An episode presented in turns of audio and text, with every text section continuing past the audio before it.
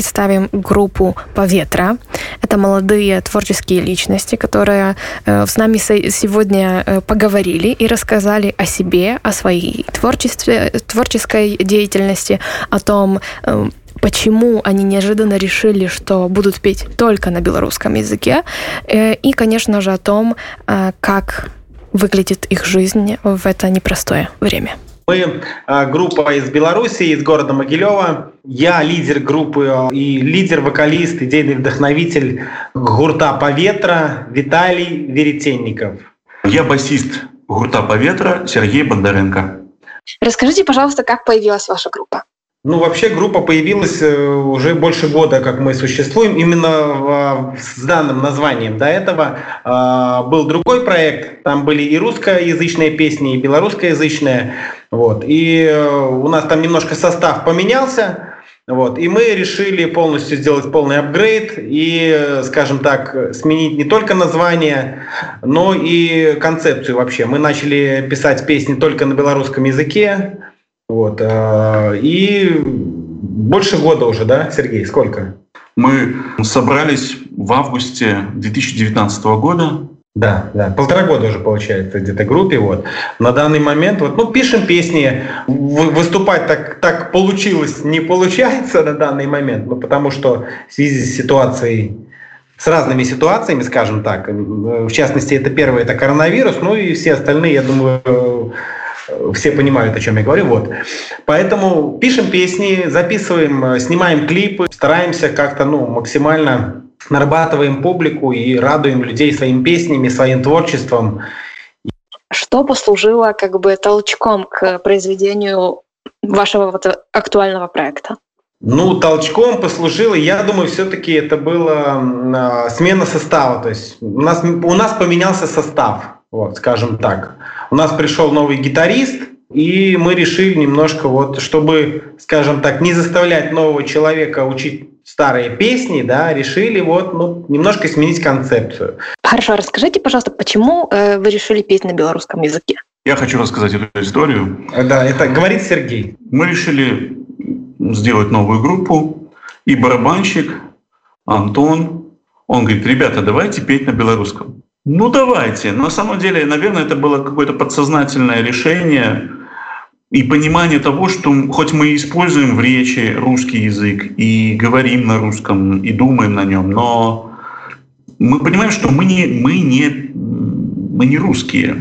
Ну да, мы, мы русские, но мы не русские. То есть мы же белорусы. Мы белорусы. да.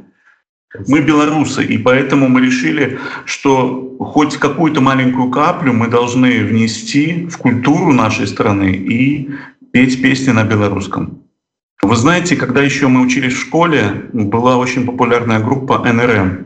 И мы все пели «Поветренный шар», «Три черепахи», из современных э, еще артистов э, это могилевчане Нискис, у них есть песни и на русском языке, и на белорусском. Также могилевчане Акуте э, группа тоже в нас в какой-то степени вдохновили э, на то, что есть шанс у белорусскомовной э, музыки.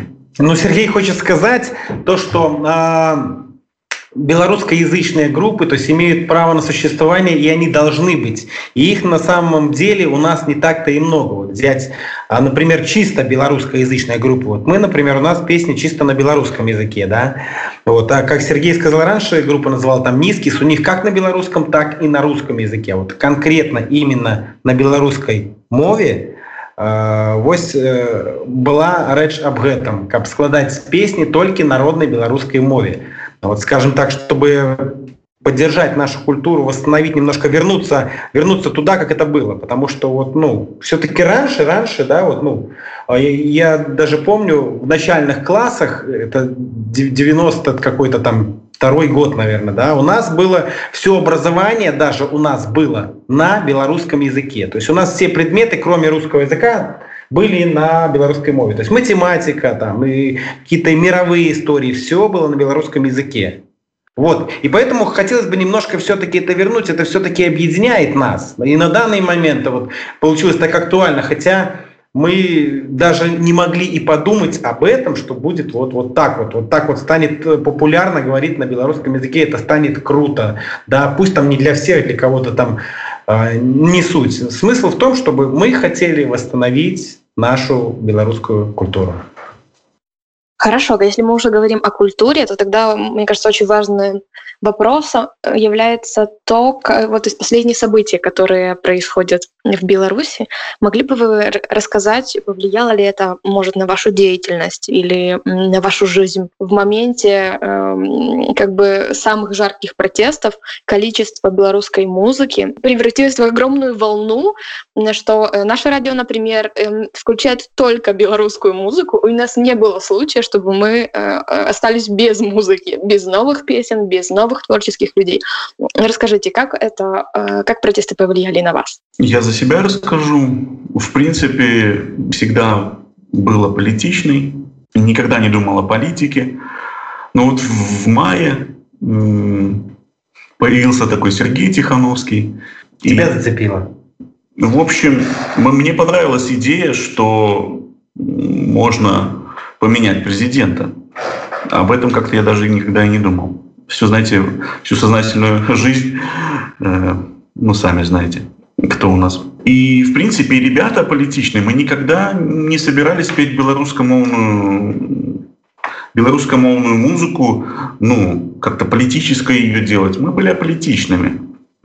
На этот счет есть интересная история что я все-таки пошел гулять э, по городу, скажем так. 11 числа. 11 числа. Я 10 пошел погулять, и, один, и 11 пошел погулять, по-моему, 12 -го. Да, Сергей у нас потерпел, зайдут крышечку уперт, потерпел. Да, в общем, схватили меня, как модное слово, шлемоголовые. Три шлемоголовых на меня напало. В общем, провел в тюрьме за кратами э, трое-четверо суток. Вот. И когда вернулся на репетицию, репетиция, естественно, пропала из-за моего отсутствия, пришел на репетицию, гитарист наиграл мелодию, э, тут же э, Виталий, фронтмен, сочинил Это текст. Я, да. Сочинил текст, и так родилась буквально за одну репетицию песня «Живе Беларусь».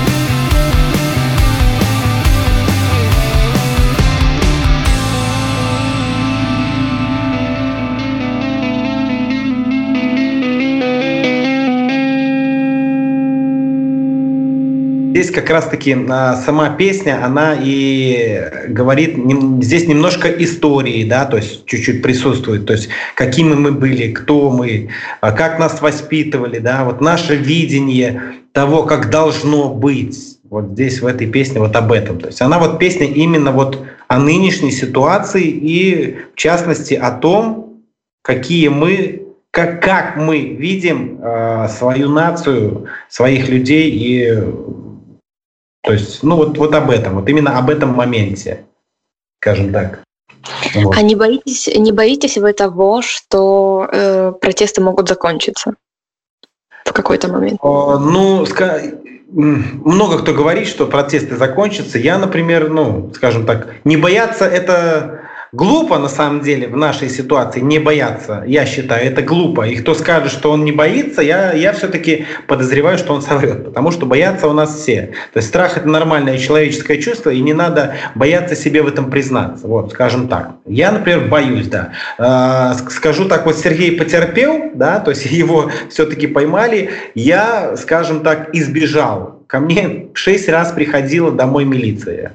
Вот. Меня искали, но я просто выходила жена и говорила, что у меня нет, я уехал. Вот. И таким образом мне удалось избежать, я надеюсь, на данный момент пока, скажем так. Вот. То есть я так понимаю, меня преследовали за, за акции, мирные акции, которые были, митинги. Вот. Там же снимали вот эти ребята, они у нас сам себе режиссеры там были. Вот. И как-то каким-то образом пытались выловить и наказать. Но мне удалось избежать. Вот. Поэтому Поэтому вот эти вот страхи, они всегда присутствуют. В любом случае уже нет такого момента, как было полгода назад, что ты смело сел, если идет милиция, там, да, как, как говорили люди уже неоднократно, что если я иду по улице и вижу инспектора, я лучше на всякий случай, дай-ка перейду на другую сторону, мало ли что, то есть ну, вот это вот все равно осталось уже и, и никуда не денется. А могли бы вы рассказать, как, э, какая атмосфера в вашем городе сейчас, на данный момент? Потому что мы находимся в Варшаве, и э, все-таки информация из первых э, уст э, очень для нас важна. Расскажите, как у вас, какая атмосфера?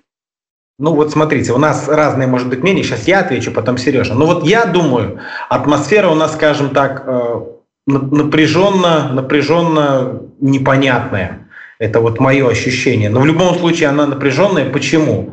Потому что вот видно, что люди, люди, они все-таки не согласны, независимо от того, что они не выходят там на акции массово, да, но все равно люди не согласны. Очень мало людей в, в кругу моего общения, которые сказали, слушайте, ну нет, я как бы за.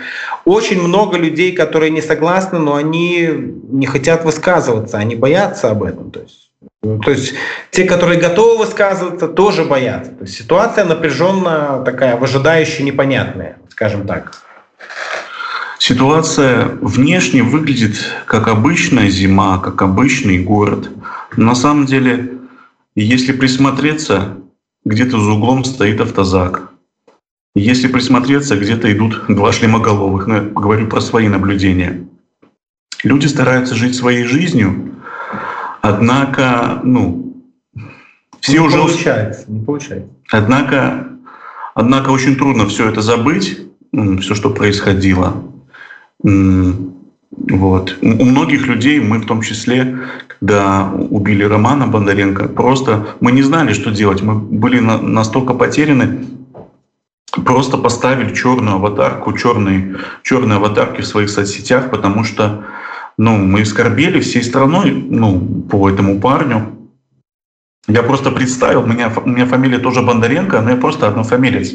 Я представил, вот был бы у меня младший брат, вот он вышел бы и не вернулся. И ну, меня накрыло, я плакал, я был очень тронут и очень сожалел о том, что его не стало. В принципе, как творческие люди, мы всегда ну, вот эту боль Почему так много песен? Потому что вот есть эта боль, есть вот эти эмоции страшные, и их куда-то нужно девать, и они выражаются в творчество. Виталик написал очень хорошее стихотворение. Э, Это как ответ, вот когда, да, вот нас всех вот а, ловит, вот, загоняет в эти бусики, автозаки, начинает избивать, и они думают реально, что нам кто-то платит за это. И они всегда спрашивают, вот, вот сколько тебе заплатили, вот, да, вот кто тебе платит вот, ну, вот за это. И вот, и вот есть небольшое такое произведение, а, стихотворение, мы потом и видео записали, есть видео, потом Сергей вам вышлет, если интересно, можете где-нибудь его опубликовать. Вот, можно аудио формат, то есть э, о том, ответ, вот, да, вот ответ человека, кто платит. А, могли бы вы фрагмент нам процитировать? В, в общем, а, на, на ответ отказ на пытание «Кольки мне платить?» «Кольки мне платить?» Роўна столькі, колькі плацяць матулі за догляд родного дитя. Кто мне платить? Той, хто сэрца маё так біцца натхняе. Колькі мне плацяць пытаеш, А колькі патрэбна табе, каб памятаць роднага бацькі імя, Пытаеш, хто плаціць, той, хто сына з дашкой цалаваць перад сном прымушае, Колькі мне плацяць, Роўна столькі, колькі будзе патрэбна табе, каб пакінуць родную дачку. Роўна столькі, колькі хопіць табе, каб сына свайго выгнаць з хаты. Ты не чуеш мяне, не змагу растлумачыць, на жаль, не паспею данесці, аб чым я крычу. Ты не слухаеш, б'еш, катуеш, ды кінеш за краты. Але памятай, памятай все мои словы, памятай тое, што робіш, табе зараз можна. У цябе ж ёсць загад выконваць трэба, але ты яшчэ не ўяўляеш. Прыйдзе час. Ты ўсё разумееш, аб чым я тлумачу, На жаль, але будзе позна. Так як позна адчуць каханне да роднага бацькі ды брата, калі ты іх пахаваеш. Супер, спасибо вам большое за э, уделенное время. Да, это радует, что, что вот наша ситуация, что мы все не безразличны да, другим людям и есть сочувствующие. Как всегда приятно чувствовать, да. видеть, слышать и знать. Спасибо вам большое. Спасибо, Елена. И вам, и вам спасибо. До услышания. Все, до связи.